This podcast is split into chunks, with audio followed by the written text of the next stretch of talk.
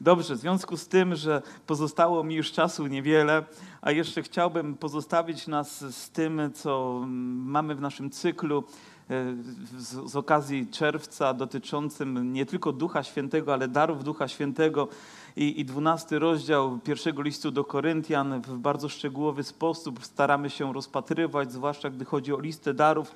Dzisiaj przypada nam kolejny dar. Dzisiaj kolejny dar łaski Bożej, o którym apostoł Paweł mówi tak: jeszcze inny dar czynienia cudów.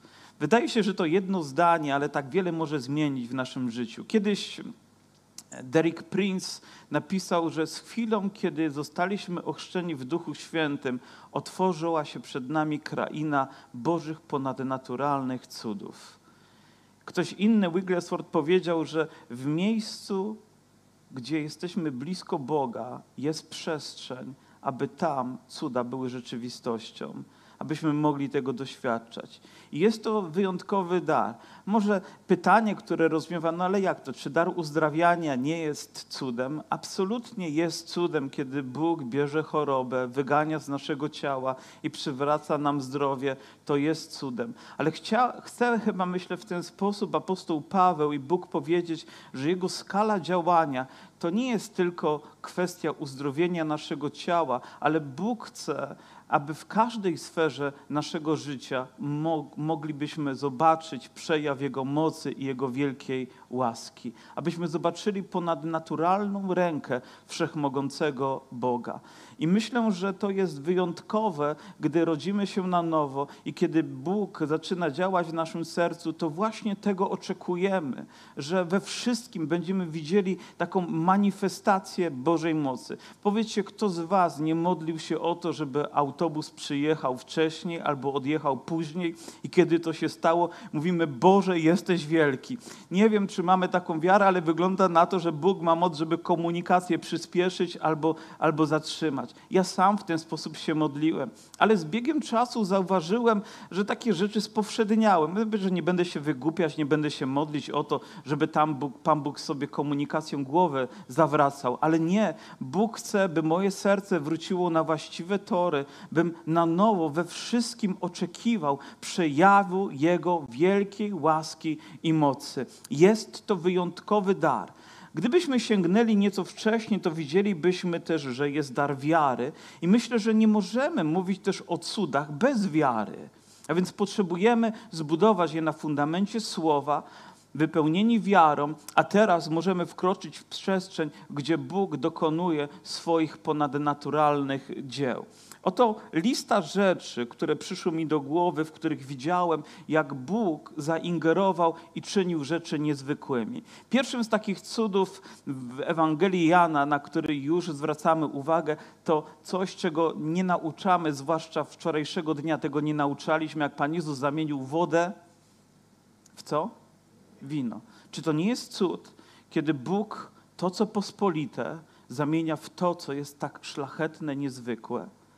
I myślę, że właśnie w ten sposób Bóg chce też okazywać przychylność. Widzimy też tych ludzi, którzy znaleźli się w bardzo trudnym położeniu, bo to groziło im pewne zastydzenie publiczne, jeżeli to jest właściwe słowo. Jakaś rzecz, która byłaby ujmą dla nich, ponieważ zabrakło tego, czym inni chcieli się uraczyć. I tutaj wkroczył Bóg w swojej wielkiej mocy, by dać im zaopatrzenie. Ja nie chcę nadinterpretowywać tego. Słyszałem tylko, tylko jak pewien brat, wierzący człowiek, który narodził się na nowo jeszcze za wschodnią granicą, to było przed wojną, więc bardzo taki radykalny w swojej wierze, odkąd się nawrócił, nigdy nie sięgnął ani po krople alkoholu i powiedział, gdybym wiedział, że to Bóg czyni tą wodę winę, to bym się napił.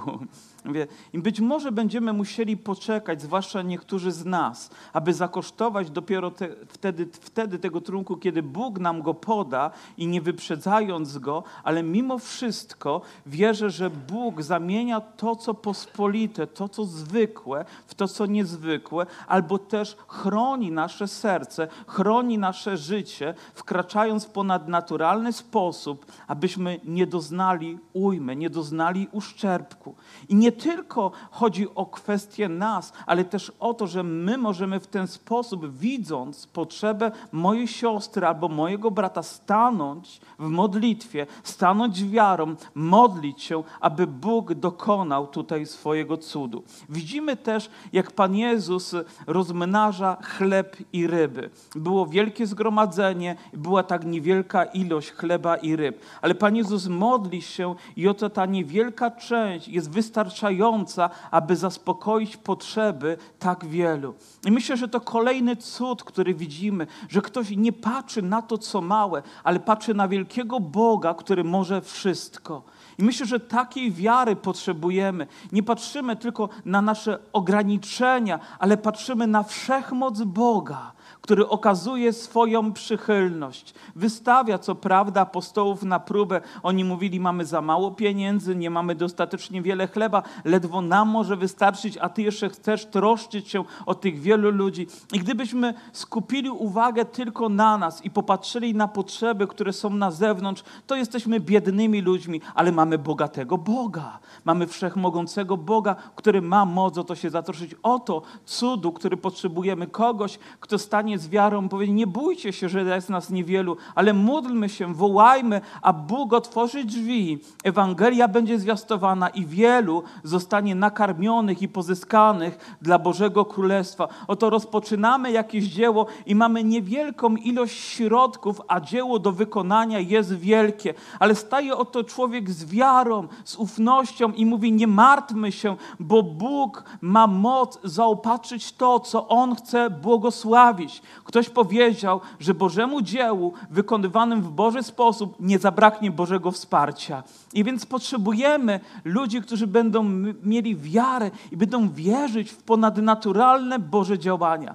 Gdybyśmy inaczej popatrzyli, gdybyśmy całą naszą uwagę skoncentrowali na tym, co możemy my, jako ludzie, to powiedzcie, to po co nam Bóg? Po co nam zbawcze dzieło, skoro my sami jesteśmy dla siebie wystarczający? A może też zaczynamy to przypisywać sobie, a nie wszechmogącemu Bogu. Ale cud to coś, co Bóg czyni w tak wielki sposób, by żaden człowiek nie przypisał tego sobie, ale wszelka chwała została oddana Jemu. Kolejnym cudem, który widzę, to jest burza. Uczniowie, którzy są w łodzi, trwożą się, ponieważ fale są niebezpieczne, ale oto pojawia się Jezus który wyciąga rękę, modli się i burza musi ustąpić. Czy to nie cud? Kilka dni temu przeszła wielka nawałnica nad naszym krajem i, i domy nawet w naszym, w naszym otoczeniu zostały zalane, straż interweniowała. Były to przykry, był to naprawdę smutny widok, ale wyobrażam sobie, że nagle ktoś staje i te chmury znikają. I nie mówię o pogodzie, nie mówię tylko o spadającym deszczu, ale być może pojawia się gdzieś burza, pojawiają się trudności, ludzie zaczynają panikować, niektórzy nawet zaczynają uciekać, ale pojawia się człowiek wiarę, który mówi nie, mówi nie ulękajmy, nie lękajmy się, mamy przecież wszechmogącego Boga i zaczyna modlić się o Kościół, zaczyna modlić się o tą sytuację, a Pan sprawia, że przychodzi pokój. Być może przeżywamy takie chwile, kiedy burze przetaczają się przez nasze życie, ale wiedzcie ponad wszystko, że mamy Boga, który jest Bogiem cudów w Jego obecności jest miejsce, jest strefa, która powinna być oznakowana, uwaga, bo Bóg dokonuje tutaj cudów. I tak powinniśmy żyć z taką świadomością, że gdy Bóg jest w nas, a bliżej już nie może, to w tym miejscu On chce dokonywać swojego dzieła. Widzimy Piotra, który pochodzi po wodzie, ale też widzimy, kiedy trzeba zapłacić podatek, nie mają pieniędzy a Pan mówi, idźcie, złówcie rybkę. I kiedy złowili tą rybkę, to mówi, w pyszczku znajdziecie co? Zaopatrzenie. Gdzie jest zaopatrzenie? W pyszczku ryby.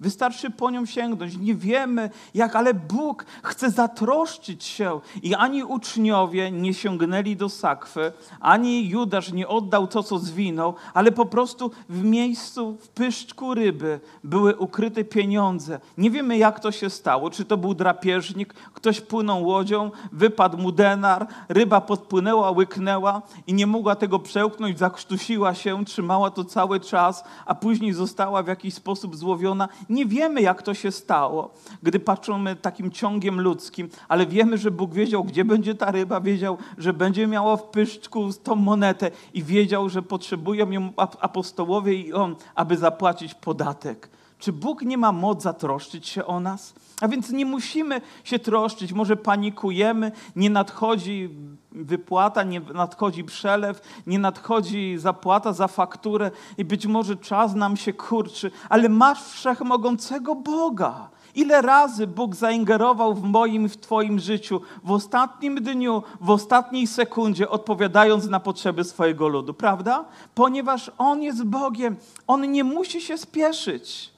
On ma wszystko pod kontrolą i wykonuje swoje dzieło na rzecz. Jakże chciałbym znowu kogoś z wiarą, który mówi: Nie lękajmy się, może w rodzinie. Pan przecież jest tym, który nas kocha troszczymy się o siebie, pracujemy i Bóg ma moc zaopatrzyć nas, zwłaszcza w tym czasie, kiedy ludzie tracili pracę, kiedy możliwości ludzkie się kurczyły. Bóg odpowiadał w ponadnaturalny sposób i również jako Kościół mogliśmy to zobaczyć. Wiecie, że pojawiły się nawet wpłaty na nasze konto od ludzi, których nigdy nie widziałem twarzą w twarz. To tak jakbym pyszczku ryby znalazł środki do tego, by Boże dzieło tutaj mogło być wykonywane. Nie spotkałem ich, nawet nie wiedziałem. Niektórzy, może wiem, kim są, może raz gdzieś tam widzieliśmy się, ale niektórzy nawet nie byli w naszym zborze, ale Duch Święty poruszył ich, by wykonać to dzieło, by wesprzeć Boże Królestwo by Kościół mógł wykonywać to, do czego został powołany. Mamy wszechmogącego Boga, który się o nas troszczy. Widzimy Filipa, który w jednym momencie jest przeniesiony do innego miejsca. Oto Bóg zabiera go z tej wody i przenosi gdzie indziej, gdzie chce go użyć w mocy. I to nie jest tak, jak ja czasami jadę samochodem, być może wy macie podobnie, że myślicie o jakiejś rzeczy. Jest ona jakąś troską waszego życia i nagle zdajecie sobie sprawę, że przejechaliście pięć przecznic, trzy światła, dwa jakieś inne jeszcze skrzyżowania. I mówię, jak ja się tam znalazłem? Ktoś z was przeżywał to? Nie wsiadajcie wtedy ze mną do samochodu najlepiej. Ale mówię, ale wszystko to jakby, jakbym w jednej sekundzie był przeniesiony ponad świadomość tego, jaką drogę przebyłem. Wiem, że nie stało się to w ponadnaturalny sposób, ale wiem, że Bóg może skrócić czas, czas cierpienia, czas bólu, czas oczekiwania, ale też może wydłużyć czas radości, czas łaski, czas swojej mocy, czas swojej chwały, bo On jest Bogiem czasu.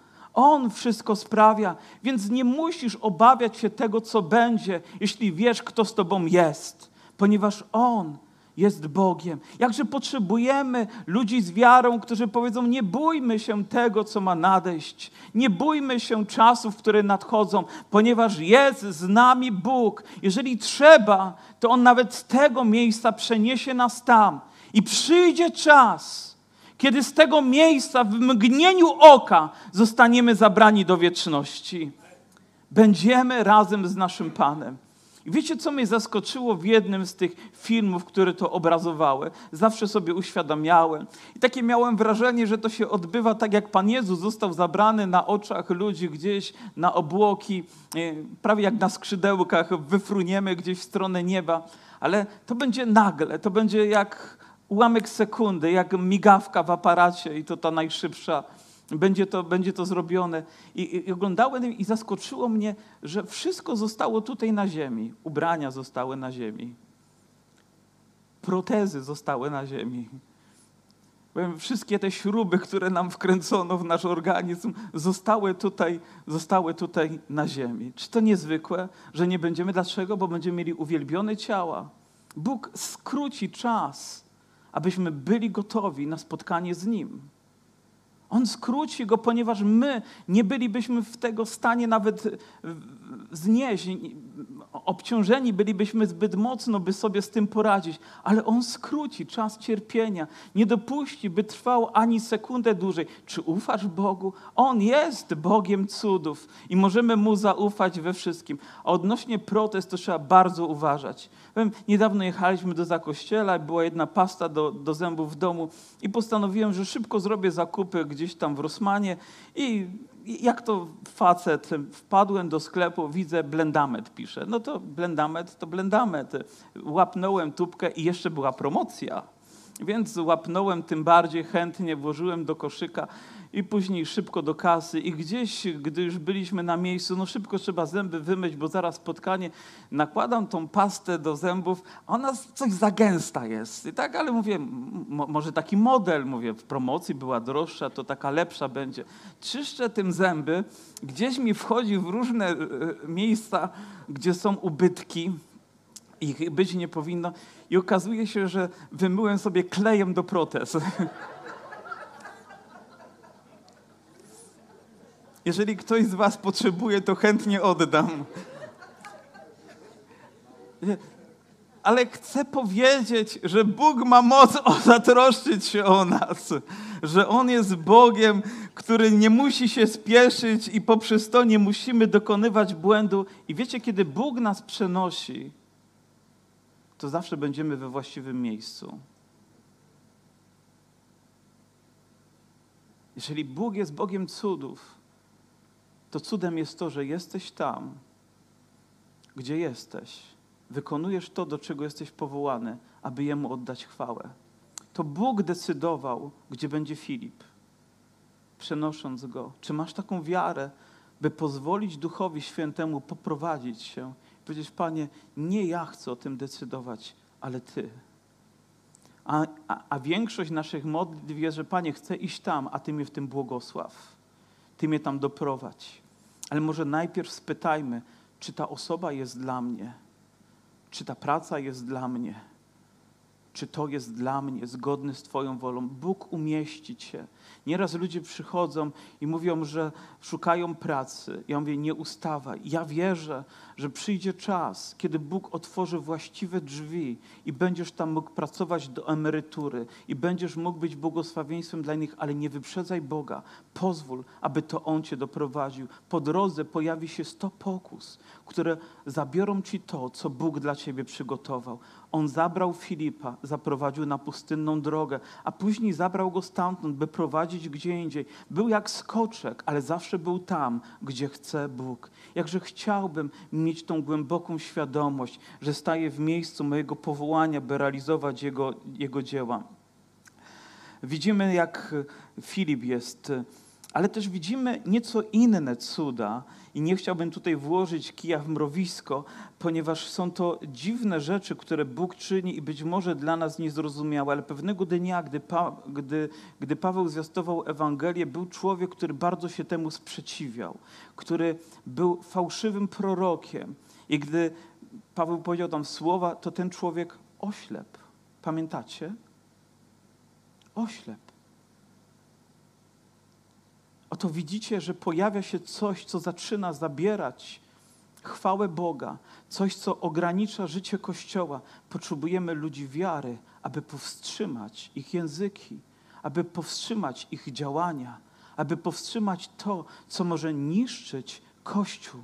Aby Bóg tak, nie Paweł to dokonał, nie wyciągnął nic, nie sypnął mu w oczy, nie zadał mu bólu. Bóg dokonał czegoś. Czy to był cud? Wiecie, cudem jest też to, gdy ktoś widzi, nie widzi, a zaczyna widzieć, Bóg go uzdrawia, a tutaj człowiek widzi i przestaje widzieć.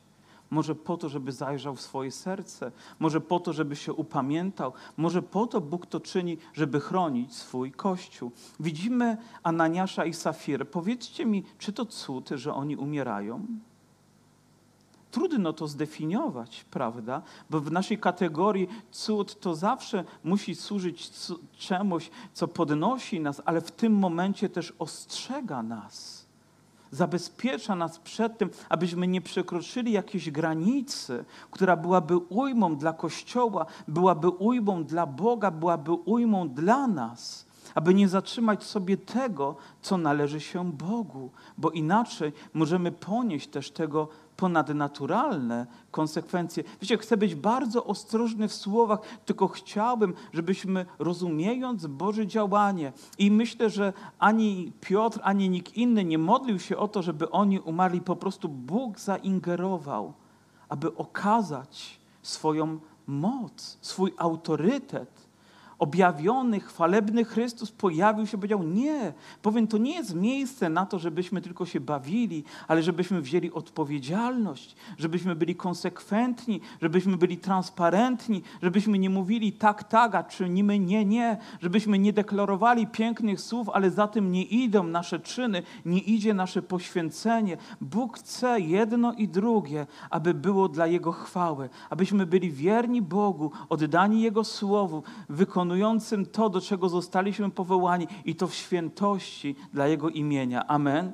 Nie wiem, czy na te cuda powiedzicie amen, ale widzimy też inne Boże działanie. Oto widzimy cień Piotra. Ja lubię do tego fragmentu wracać, kiedy idzie drogą i tam, gdzie padł cień. Wiecie, cień nie ma w sobie żadnej mocy, ale gdziekolwiek ten cień padł i znaleźli się tam ludzie, byli uzdrawiani. Wiecie, jaka jest też moja interpretacja tego fragmentu? To nie cień zbawiał, a Boża obecność ponieważ tam, gdzie był Piotr, towarzyszyła jemu Boża chwała, Boże namaszczenie, bo Piotr chodził z Panem. Nauczył się tego, przeszedł też bolesne i trudne lekcje, ale chodził z Bogiem, a Bóg manifestował swoją moc. Jakże chcemy ludzi, którzy będą pełni wiary, a Bóg będzie to objawiać swoimi cudami, będą chodzić w Jego obecności, o to zadbają, a Bóg zatroszczy się o to, by On miał z tego chwałę. I to jest również lekcja dla nas, gdziekolwiek się pojawisz. Wspomniany przeze mnie Wigglesworth, on opowiadał o takich sytuacjach, że jedzie pociągiem, naprzeciwko niego siedzi jakiś przedsiębiorca, biznesmen, nie rozmawiają nawet ze sobą. Ten wyciąga jak zwykle Nowy Testament, ponoć czytał go na okrągło, na okrągło, znał go na pamięć, a mimo to czytał i czytał i czytał nieskończoność, napełniając słowo. I w pewnym momencie ten człowiek mówi, dość, mówi, ja wiem, że jestem grzeszny, grzesznikiem, nie musisz więcej mi o tym przekonywać. A on ani słowa nie powiedział. Ale Boża obecność, Boża chwała, która się tam pojawiła, sprawiło, że serce tego człowieka się skruszyło i narodził się na nowo. Kto z Was chciałby takiej ewangelizacji? Naucz się chodzić w Bożej obecności. A Twój cień będzie dokonywał, Bóg będzie dokonywał ponadnaturalnych rzeczy będzie dokonywał swojego dzieła. Widzimy, jakie namaszczenie też było na, Piotr, na, na Pawle, którego chustki czy przepaski, gdy dotknęły jego ciała, były zanoszone do chorych, a oni byli uzdrowieni. Kto? Chustka? Co? Przepaska? Kawałek materiału uzdrawiał? Nie, namaszczenie, Boże namaszczenie, które pojawiało się, wykonywało swoje dzieło. Czy ktoś z was chciałby być tak blisko Boga?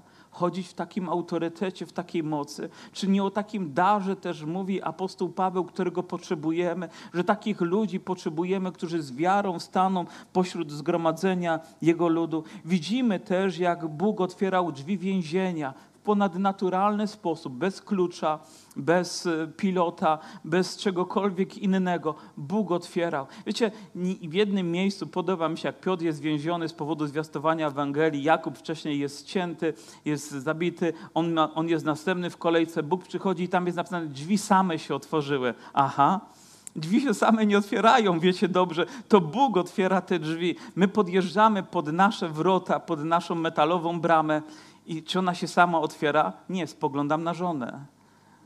Powiem, nie otwiera się sama, ale jeżeli by się otworzyła, to wiedziałbym, że tam musi być ktoś, kto te drzwi otwiera.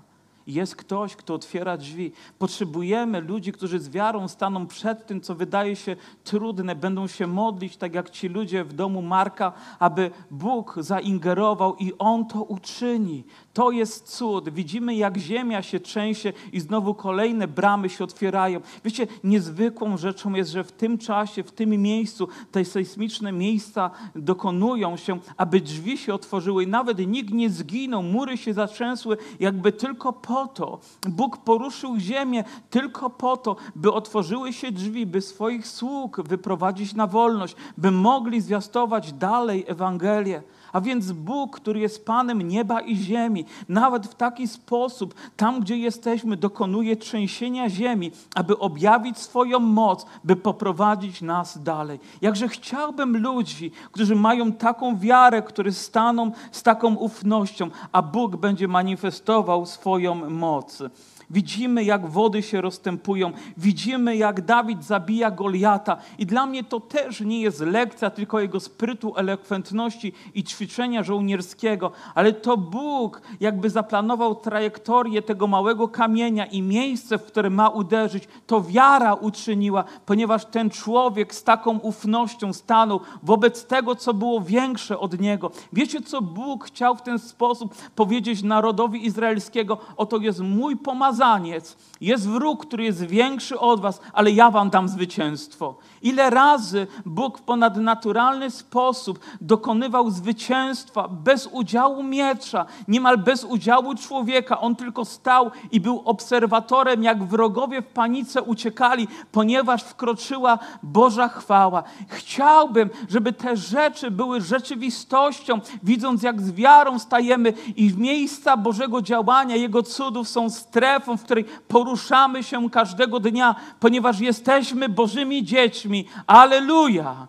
I w tej sytuacji, w której żyjemy, pojawiło się słowo ozdrowieńcy. To znaczy, że ludzie, którzy mają pewną odporność, może większą niż inni, przeszli przez koronawirusa i, i poradzili sobie, ich organizm przezwyciężył, są ozdrowieńcami. Ale jest różnica między ozdrowieńcem a uzdrowieńcem. Tym, którego Jezus uzdrowił, ten, którego Jezus zbawił, ten, którego Jezus prowadził. I wiecie, nie chcemy tylko takich ozdrowionych ludzi, ale chcemy też uzdrowionych ludzi ludzi. Nie chcemy ludzi, którzy pielęgnują tylko religijność, ale chcemy którzy, ludzi, którzy z wiarą stają, sięgają po Boże dary, a Bóg manifestuje swoją moc. Aleluja.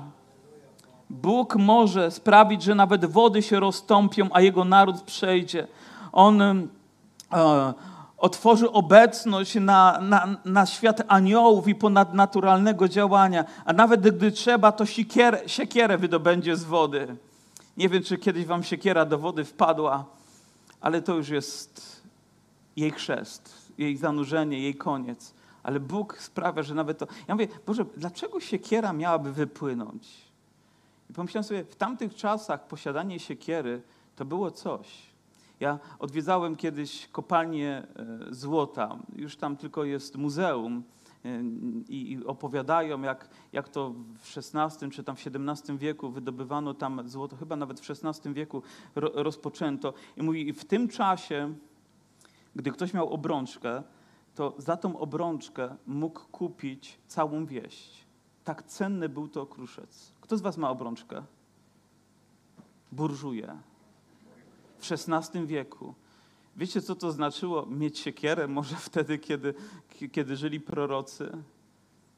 Jak, jak cenną rzecz posiadali, jak, jak, jak, jakie dobro po to, żeby, żeby wykonywać pewnie pracę i gdy ona zniknęła, to nie jest tak, że pójdę sobie do kastoramy, kupię nową, lepszą tylko to była naprawdę rozpacz, ale Bóg ma moc również o to się zatroszczyć. Widziałem, jak ludzie modlili się o zgubę, one się odnajdywały. Pamiętam, jak moja siostra dostała pieniądze od ojca, poszła i zgubiła je, bo, bo jak to dziewczyna do reklamówki włożyła portfel z pieniędzmi. No, jeszcze musi się modlić o dar mądrości, ale, ale w tym momencie tak zrobiła, e, reklamówka się rozdarła, czy ktoś wydawało się przeciął, zniknęły te pieniądze. Była młodą, wierzącą osobą, naprawdę dopiero co po nawróceniu, wróciła do domu zapłakana. Rodzice, jak to rodzice, no, musieli w tym momencie powiedzieć, co, co, co mieli do powiedzenia, ale mówi, ale ja będę się modlić. Weszła do swojego pokoju, padła na kolana i zaczęła się modlić. Jeszcze nie wstała z kolan, ktoś zapukał do drzwi. Przyszedł człowiek, który oddał portfel i nie brakowało tam ani złotówki. Wiecie, potrzebujemy takiej wiary, która dokonuje cudów. Amen? I być może Ty jesteś w miejscu, gdzie potrzebujesz zobaczyć Boga, który dokonuje cudów. Lecz mógłbym listę wymieniać, zburzenie muru Jericha, bit, bitwy zwycięskie i inne rzeczy. Mógłbym wymieniać to, jak my dostaliśmy w ponadnaturalny sposób mieszkanie, jak w skrzynce na listy znajdowaliśmy pieniądze na święta, jak Bóg chronił nawet to miejsce, ten zbór przed tym, jak, jak rozbudowywaliśmy piętro. Nie wiem, czy wam już tą historię opowiadałem, a jeśli nie, to udawajcie, że nie słyszeliście. Rozebraliśmy dach i przyszła taka nawałnica kilka dni temu. Możecie sobie wyobrazić. My mieliśmy, przykryliśmy co prawda płachtą, ale to tak by ktoś chusteczką od nosa to przykrył, bo cóż to jest, gdy wiatr zaczyna wiać, to nawet jeszcze może większe niebezpieczeństwo być. I pomyślałem sobie, ta nawałnica, jedziemy gdzieś, wracaliśmy, skąd kochani, żeśmy wracali, ty masz lepszą pamięć pewnie z, z, tam, gdzie zawsze jeździmy i z, do Szczawnicy i deszcz pada. Powiem, gdziekolwiek z żoną, kiedykolwiek z żoną do Szczawnicy się wram prawie deszcz pada. Powiem, ona jest Jonaszem chyba w naszej rodzinie. Nie, tak nie jest oczywiście. Ale taka nawałnica była, że deszcz padał i myślę sobie, co tam się dzieje w zborze.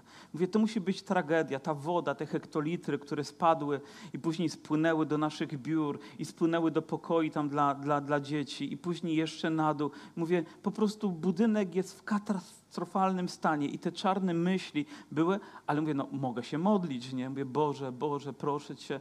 I tak jak potrafiłem, wiecie, przyjeżdżam tutaj na miejsce i był taki pan, który wykonywał tą pracę, chodził po, place, po, po placu i mówił, to miejsce jest święte, to miejsce jest święte, to miejsce jest święte, to miejsce jest święte. I mówię, przepraszam, mówię, co się stało? Mówi, mówi nie uwierzy Pan, co się stało. On z gór był, mówi, mówi, mówi, Panie, mówi, mówi, tam w Będziniu lało, mówi, tam lało, tam lało, tam lało, a tutaj nie lało, mówi.